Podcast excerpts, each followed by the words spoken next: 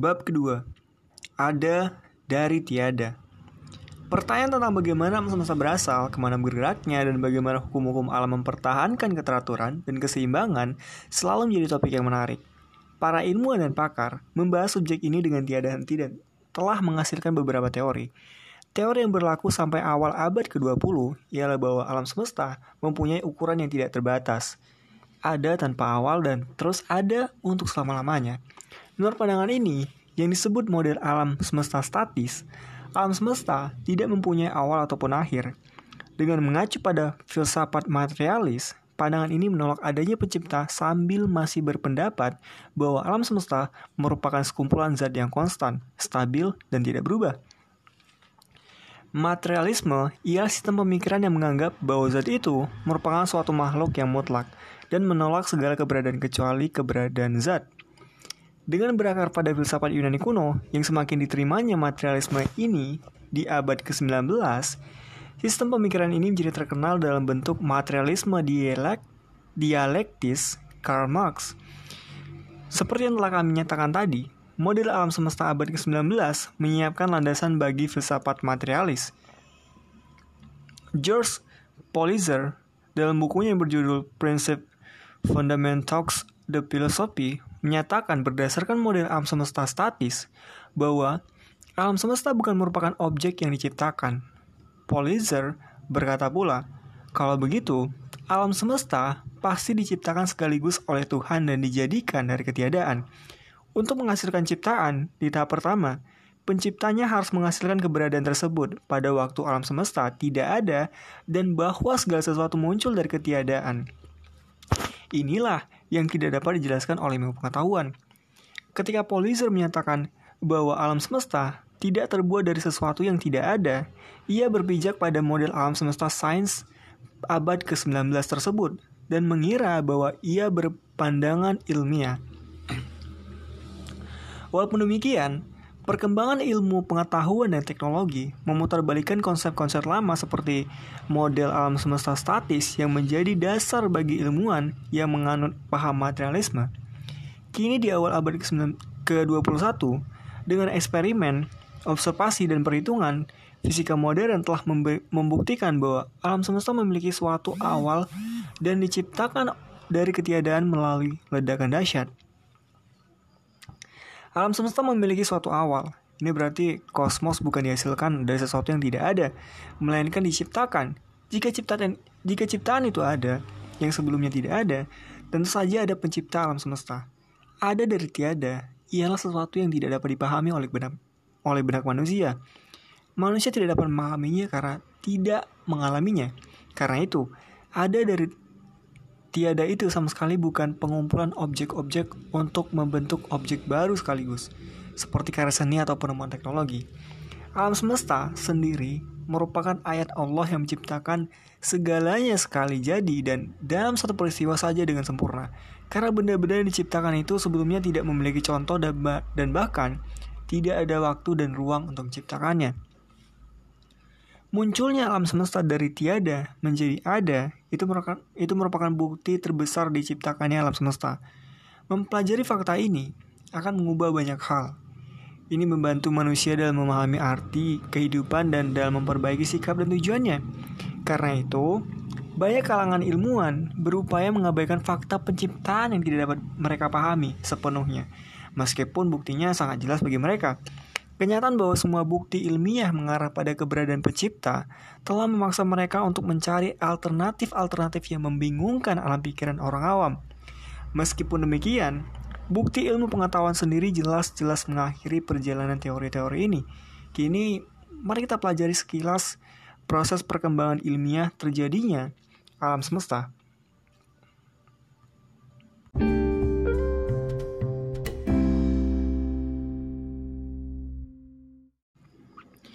Meluasnya alam semesta.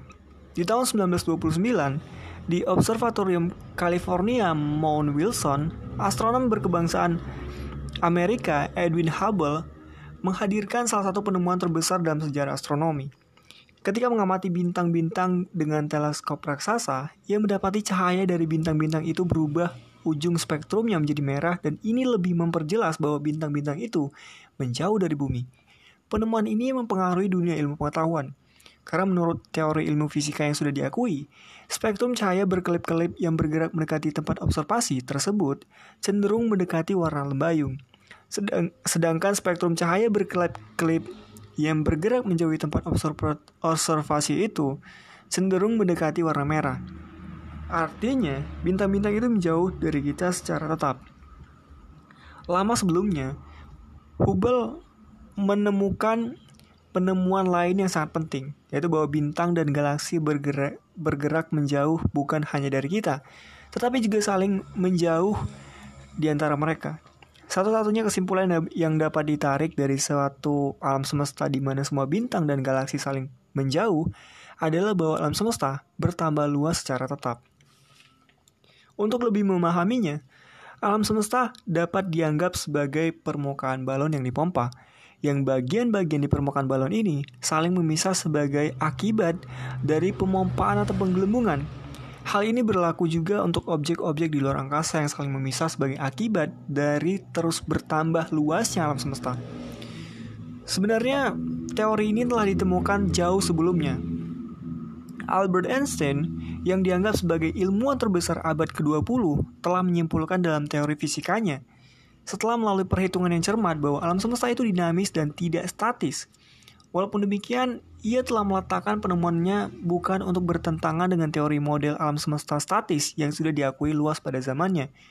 Einstein kemudian mengidentifikasi tindakan yang itu sebagai kesalahan terbesar sepanjang karir keilmuannya – Sesudah itu, menjadi jelas melalui pengamatan Hubble bahwa alam semesta bertambah luas. Jadi, apa yang penting dari fakta bahwa alam semesta bertambah luas terhadap proses terjadinya alam semesta?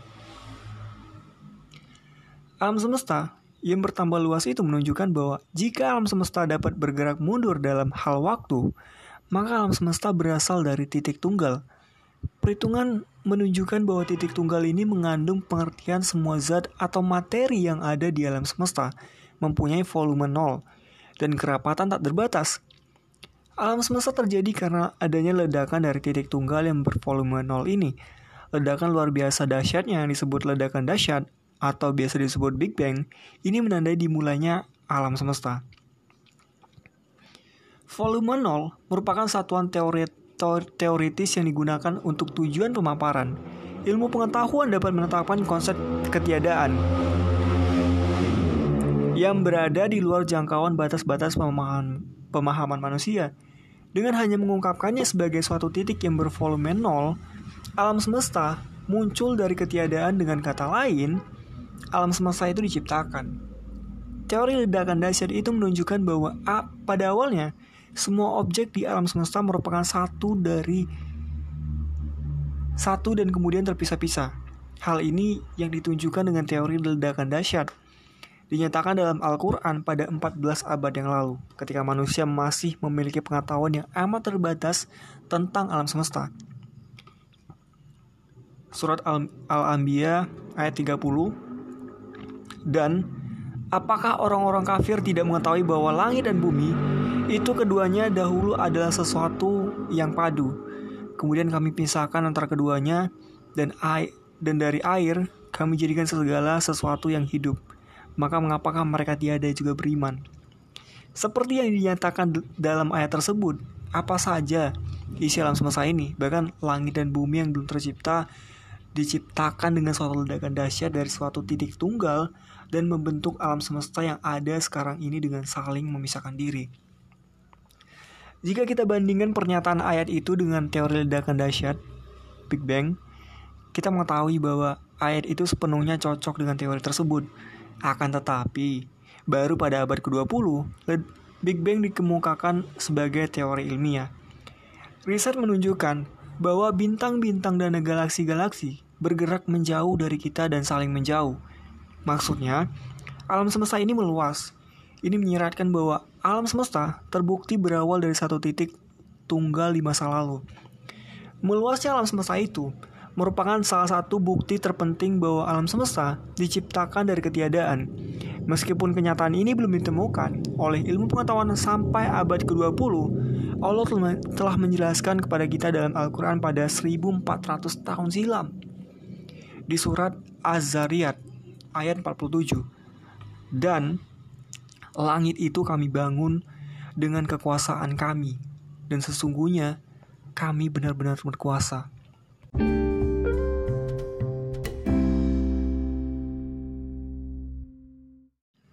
Mencari alternatif pengganti teori Big Bang. Seperti jelas terlihat, teori Big Bang membuktikan bahwa alam semesta diciptakan dari ketiadaan. Dengan kata lain, diciptakan oleh Allah. Karena alasan inilah, para astronom penganut materialisme tetap bersikukuh menolak teori ledakan dahsyat atau Big Bang tadi dan mempertahankan teori keadaan tetap. Hal ini ditunjukkan oleh pendapat A.S. Eddington seorang pakar fisika terkemuka penganut paham materialisme. Secara filosofis, saya tidak menyukai gagasan tentang permulaan yang spontan untuk tata alam yang ada sekarang ini. Salah seorang yang terusik oleh teori Big Bang itu ialah Sir Fred Hoyle.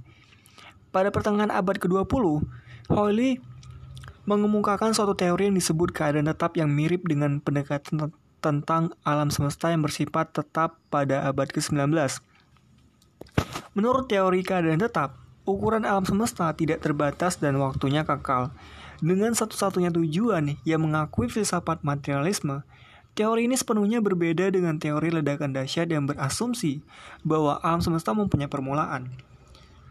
Para pembela teori keadaan tetap itu menentang teori Big Bang dalam waktu lama. Walaupun demikian, teori-teori itu berlawanan dengan ilmu pengetahuan. Sebaliknya, sebagian ilmuwan sedang mencari jalan untuk mengembangkan alternatif-alternatif. Di tahun 1948, George Gamow muncul dengan gagasan lain tentang teori Big Bang itu, yang menyatakan bahwa setelah terbentuknya alam semesta melalui peristiwa Big Bang, ada limpahan radiasi di alam semesta yang tertinggal karena peristiwa ledakan ini. Tambahan lagi, radiasi radiasi ini tersebar merata di alam semesta.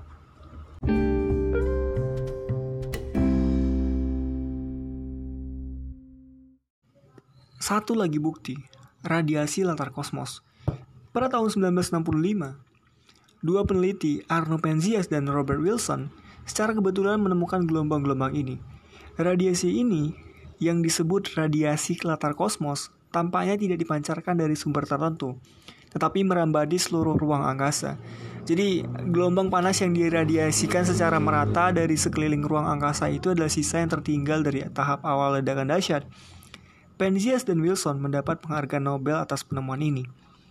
Di tahun 1989, NASA mengirim, mengirimkan satelit Cosmic Background Explorer atau disingkat COBE ke ruang angkasa untuk meneliti radiasi latar kosmos. Hanya membutuhkan 8 menit. Scanner-scanner satelit ini menguatkan pengukuran dari Penzias dan Wilson. COBE telah menemukan sisa dari ledakan dahsyat yang terjadi pada permulaan permulaan alam semesta. Karena dianggap sebagai penemuan astronomi terbesar sepanjang masa, kesimpulan ini secara eksplisit membuktikan teori ledakan dahsyat. Dari ruang angkasa dikirimkan temuan dari satelit Kobe 2. Setelah satelit Kobe menjelaskan perhitungan-perhitungannya dengan cermat berdasarkan teori ledakan dahsyat itu. Sebuah bukti lain yang penting untuk teori ledakan dahsyat itu ialah jumlah hidrogen dan helium di ruang angkasa. Dalam hitungan terakhir, konsentrasi hidrogen helium di alam semesta sesuai dengan perhitungan konsentrasi hidrogen helium yang merupakan sisa dari ledakan dahsyat itu. Jika alam semesta tidak mempunyai permulaan, dan jika alam semesta ada karena keabadian, tentu unsur hidrogennya telah sepenuhnya digunakan dan diubah menjadi helium. Semua bukti ini menyebabkan teori ledakan dahsyat diterima oleh para ilmuwan. Model ledakan dahsyat itu merupakan bagian terbaru yang dicapai ilmu pengetahuan tentang terbentuknya dan dimulainya alam semesta. Dengan mempertahankan teori keadaan tetap yang juga sejalan dengan gagasan Fred Hoyle selama bertahun-tahun, Dennis Sechama menguraikan pandangan akhir yang mereka capai setelah terungkapnya semua bukti tentang teori ledakan dahsyat. Sechama menyatakan bahwa ia turut dalam perdebatan sengit antara yang mempertahankan teori keadaan tetap dan yang menolaknya. Ia menyatakan bahwa ia membeli, membela teori keadaan tetap bukan karena menganggapnya sahih, melainkan karena menghendakinya sahih. Fred Hoyle goyah terhadap semua sanggahan ketika bukti-bukti terhadap teori ini mulai terbuka. Secara sendiri mula-mula sejalan dengan Hoyle. Tetapi kemudian karena bukti-bukti mulai semakin tampak dan menumpuk, ia akhirnya menerima bahwa permainan telah berakhir dan bahwa teori keadaan tetap harus ditolak. Profesor George Abel dari Universitas California menyatakan juga bahwa bukti mutakhir yang ada menunjukkan bahwa alam semesta dimulai miliaran tahun silam melalui peristiwa ledakan dahsyat. Ia mengakui bahwa tidak ada pilihan lain kecuali menerima teori ledakan dahsyat itu. Dengan diterimanya teori ledakan dahsyat, konsep zat kekal yang merupakan dasar filosofi materialisme terlempar jauh ke dalam tumpukan sampah sejarah Selanjutnya, apa yang terjadi sebelum ledakan dahsyat dan, ke dan kekuatan apa yang disebab apa yang menyebabkan alam semesta ada melalui ledakan, ledakan dahsyat itu? Pertanyaan ini tentunya menyiratkan. Menurut kata-kata Arthur Eddington, fakta yang secara filosofis kurang menyenangkan, yaitu adanya sampah cipta. Filos filosof ateis terkenal Anthony Flew berkomentar tentang hal ini. Pengakuan itu baik bagi rohani. Karena itu, saya akan mau mengawalinya dengan mengakui bahwa kaum ateis itu harus malu terhadap konsensus mengenai kosmologi saat ini. Untuk itu, para kosmolog perlu memberi bukti ilmiah tentang apa yang Saint Thomas nyatakan tidak terbukti menurut filsafat, yaitu bahwa alam semesta memiliki suatu awal. Jadi selama alam semesta dianggap ada, bukan hanya tanpa akhir melainkan juga tanpa permulaan akan mudah dikemukakan opini bahwa keberadaan tampilannya dan apa pun yang menjadi ciri atau sifat paling mendasar. Sepatutnya diterima sebagai penjelasan, penjelasan akhir, meskipun saya yakin bahwa teori keadaan tetap masih benar. Mempertahankannya dalam menghadapi teori ledakan dahsyat tentunya tidak mudah dan tidak mengenakan. Sebagian ilmuwan yang tidak mengkondisikan diri untuk menjadi ateis telah mengakui peranan pencipta yang maha kuasa dalam menciptakan alam semesta. Sang pencipta ini pasti merupakan sesuatu yang telah menciptakan baik zat maupun waktu, tetapi tidak terpengaruh oleh keduanya. Astrofisikawan terkenal Hugh Rose mengakui hal ini dengan menuturkan, jika permulaan waktu bersama dengan awal keberadaan alam semesta, seperti dijelaskan teorema angkasa, maka penyebab alam semesta harus merupakan kesatuan yang berfungsi dalam suatu dimensi waktu yang sepenuhnya terpisah. Dan sudah ada sebelumnya. Kesimpulan ini sangat penting untuk pemahaman kita tentang siapa Tuhan dan siapa atau apa yang bukan Tuhan. Tuhan bukan alam semesta sendiri dan tidak terkandung dalam alam semesta. Zat dan waktu diciptakan oleh Tuhan yang Maha Kuasa, yang tidak bergantung pada semua pernyataan ini. Sang pencipta ini ialah Allah yang merupakan pemilik atau penguasa langit dan bumi.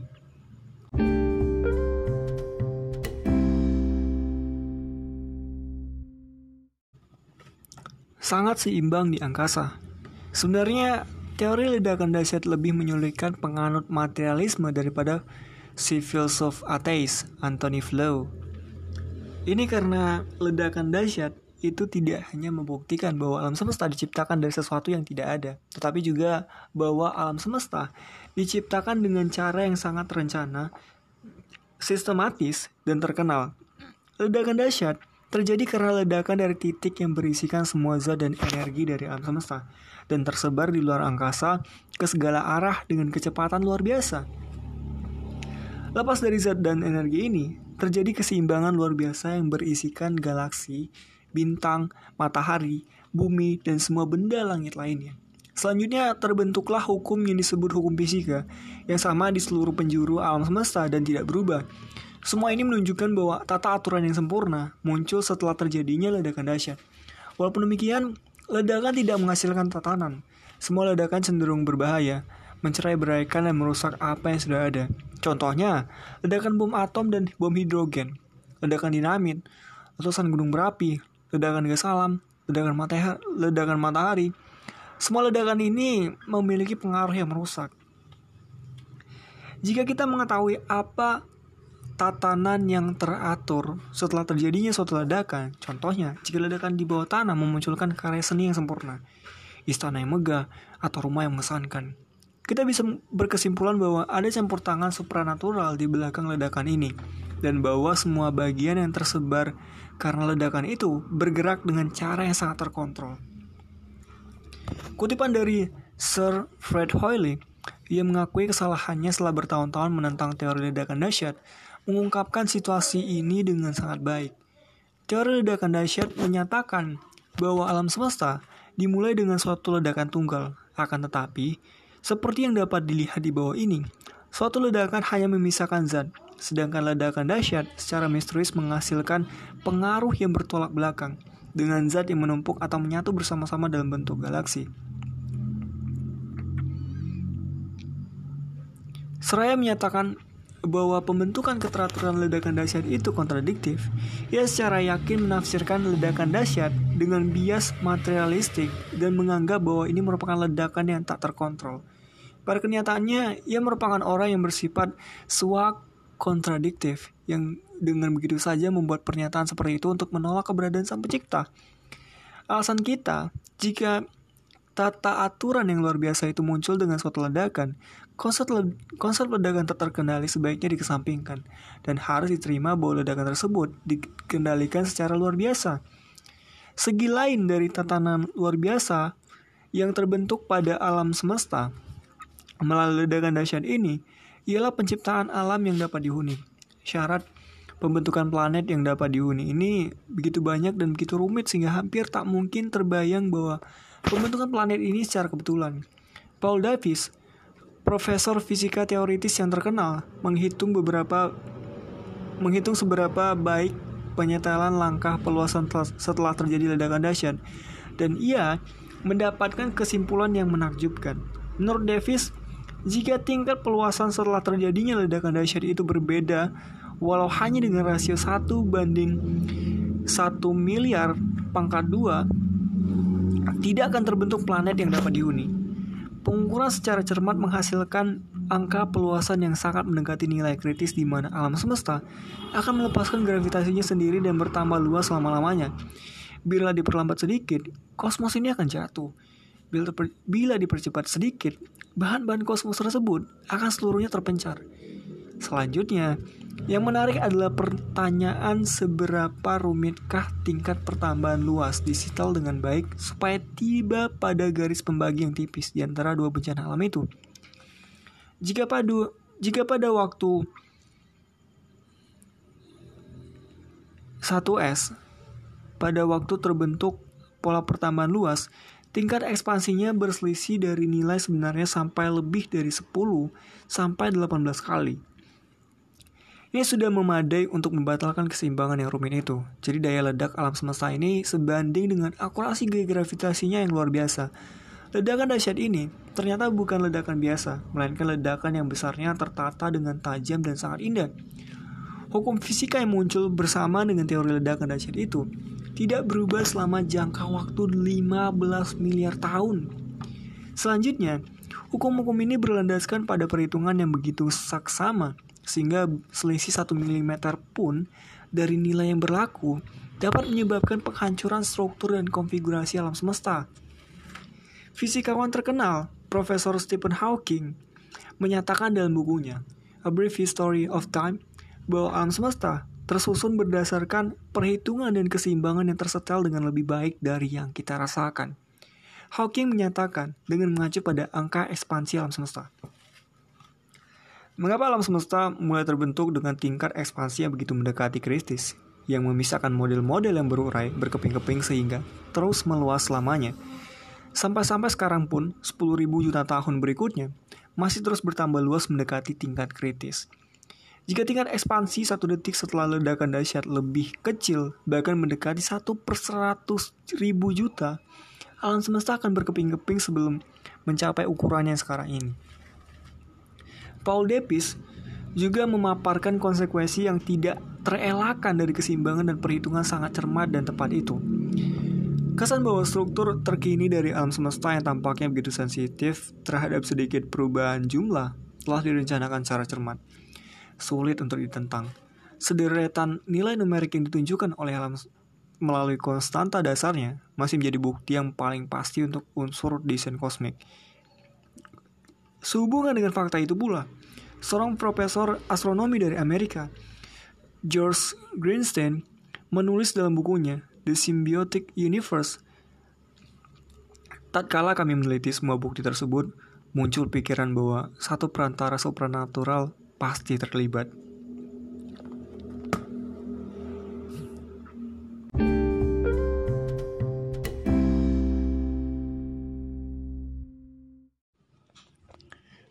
Penciptaan zat Penciptaan zat Atom, unsur pembangun zat, menjadi ada setelah terjadinya ledakan dahsyat. Atom-atom ini kemudian mengumpul bersama-sama membentuk alam semesta dengan bintang, bumi, dan matahari. Selanjutnya, atom-atom tersebut membentuk kehidupan di bumi. Dengan berkumpulnya atom-atom, segala yang Anda lihat di sekitar Anda, seperti tubuh Anda, kursi yang Anda duduki, buku yang ada di tangan Anda, langit yang terlihat melalui jendela, tanah, beton, buah-buahan, tanaman, semua makhluk hidup, dan segala yang bisa Anda bayangkan itu memasuki kehidupan. Selanjutnya, terbuat dari apakah atom itu? Yang merupakan unsur pembangun segala sesuatu dan jenis struktur apa yang dimiliki oleh atom. Bila kita memeriksa struktur atom, kita lihat bahwa semua bagiannya mempunyai tata aturan dan desain yang luar biasa. Setiap atom mempunyai nukleus yang mengandung proton dan neutron yang jumlahnya tertentu.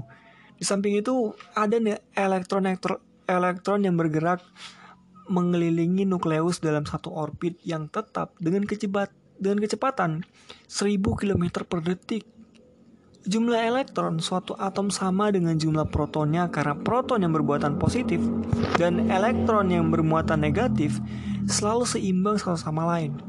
Jika salah satu dari jumlah ini berbeda, tidak akan ada atom karena keseimbangan elektromagnetiknya akan terganggu. Nukleus atau atau inti atom, proton dan neutron yang ada di dalamnya, dan elektron yang di sekitarnya selalu bergerak. Elektron-elektron ini berputar mengelilingi inti atom mereka sendiri dengan kecepatan tertentu tanpa saling menyimpang. Kecepatannya selalu seimbang dengan yang lainnya dan selalu menjaga kelangsungan hidup atomnya. Tidak pernah terjadi salah atur, perbedaan ataupun perubahan. Sangatlah jelas bahwa kesatuan yang sangat teratur dan tertentu itu ada setelah peledakan dahsyat yang berlangsung pada saat ketiadaan. Jika ledakan dahsyat itu merupakan kebetulan yang tidak terkontrol, mestinya diikuti oleh kejadian acak dan tersebarnya segala yang terbentuk itu dalam suatu kekacauan yang luar biasa dahsyatnya. Sebenarnya, tatanan yang tak bercacat telah berlaku di setiap tahap sejak awal keberadaannya. Contohnya, alam semesta terbentuk di tempat dan waktu yang berbeda. Namun begitu terorganisirnya sehingga alam semesta seakan-akan dihasilkan dari satu-satunya pabrik dengan dengan kesadaran masing-masing. Mula-mula elektron mendapati sendiri suatu nukleus dan mulai mengelilinginya. Kemudian atom-atom menyatu untuk membentuk zat dan semuanya menghasilkan objek-objek yang bermakna, bertujuan dan masuk akal. Sesuatu yang tidak wajar, mendua, tidak normal, tidak bermanfaat dan tidak bertujuan, tidak pernah terjadi segala sesuatu. Tidak pernah terjadi. Segala sesuatu dari unit terkecil sampai unsur ter terbesar terorganisir dan mempunyai tujuan yang beragam. Semuanya ini merupakan bukti kuat adanya pencipta yang maha kuasa dan menunjukkan kenyataan bahwa segala sesuatu itu menjadi ada sesuai dengan kemauannya kapan saja dia kehendaki. Dalam Al-Quran, Allah menunjukkan penciptaannya sehingga pada surat Al-An'am ayat 73 ia berfirman dan dialah yang menciptakan langit dan bumi dengan benar dan benarlah perkataannya di waktu dia berfirman. Jadilah lalu terjadilah. Dan di tangannya lah segala kekuasaan di waktu sangkakala ditiup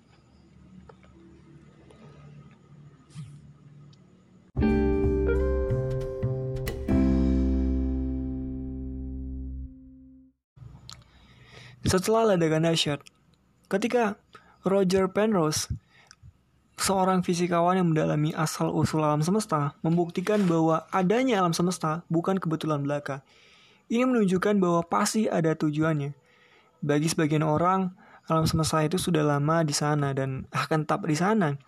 Kita yang mendapati diri kita berada di tengah-tengah benda semesta ini. Pandangan ini mungkin tidak dapat membentuk kita dalam memahami alam semesta. Menurut pandangan Penrose, ada banyak masalah mendalam tentang alam semesta yang tidak dapat terjangkau oleh indera kita saat ini. Sesungguhnya, pandangan Roger Penrose ini merupakan bahan pemikiran yang baik. Seperti yang ditunjukkan oleh kata-kata tersebut, banyak orang salah mengira bahwa adanya alam semesta dengan segala keharmonisannya yang sempurna ini bukan demi tujuan apa pun dan bahwa mereka hidup di alam semesta ini demi peran yang lagi-lagi tidak bermakna. Akan tetapi, tidaklah lumrah sama sekali bahwa suatu tatanan yang sempurna dan menajubkan itu terjadi setelah adanya ledakan dahsyat. Yang bagi kalangan ilmiah berarti pembentukan alam semesta. Singkatnya, bila kita periksa sistem sistem hebat ini, kita lihat bahwa adanya alam semesta dan cara kerjanya itu bersandar pada keseimbangan sangat cermat dan keteraturan yang karena terlalu rumit tidak bisa dijelaskan dengan penyebab-penyebab kebetulan. Sebagai bukti, alam semesta sama sekali tidak mungkin terbentuk sendiri atau secara kebetulan setelah terjadinya suatu ledakan dahsyat. Terbentuknya tata aturan sedemikian itu yang mengikuti suatu ledakan seperti ledakan dahsyat hanya dimungkinkan sebagai hasil dari penciptaan yang supranatural. Rencana dan tata aturan yang tiada bandingannya itu tentunya membuktikan keberadaan sang pencipta dengan pengetahuan, kebijakan, dan kekuatan tidak berbatas yang telah menciptakan zat dari sesuatu yang tiada dan yang mengendalikan dan mengaturnya secara berkeseni, berkeseni, berkesinambungan. Sang pencipta ini ialah Allah, penguasa langit, bumi, dan seisinya. Semua fakta ini juga menunjukkan kepada kita bagaimana filosofi materialisme yang hanya merupakan suatu dogma abad ke-19 diganti dengan ilmu pengetahuan abad ke-20 dengan menguak rencana, desain dan tata aturan hebat yang lazim ditemui alam semesta itu, ilmu pengetahuan modern telah membuktikan keberadaan sang pencipta yang telah menciptakan dan mengatur semua makhluk, yaitu Allah. Dengan berpijak pada jumlah manusia yang luar biasa, banyaknya selama berabad-abad dan bahkan telah mem telah mengaburkannya sendiri dengan topeng ilmu pengetahuan Paham materialisme membuat kesalahan besar dan menolak keberadaan Allah yang menciptakan dan mengatur zat dari sesuatu yang tiada. Pada suatu hari, paham materialisme akan dikenang dalam sejarah sebagai keyakinan primitif dan tahayul yang bertentangan dengan akal dan juga ilmu pengetahuan.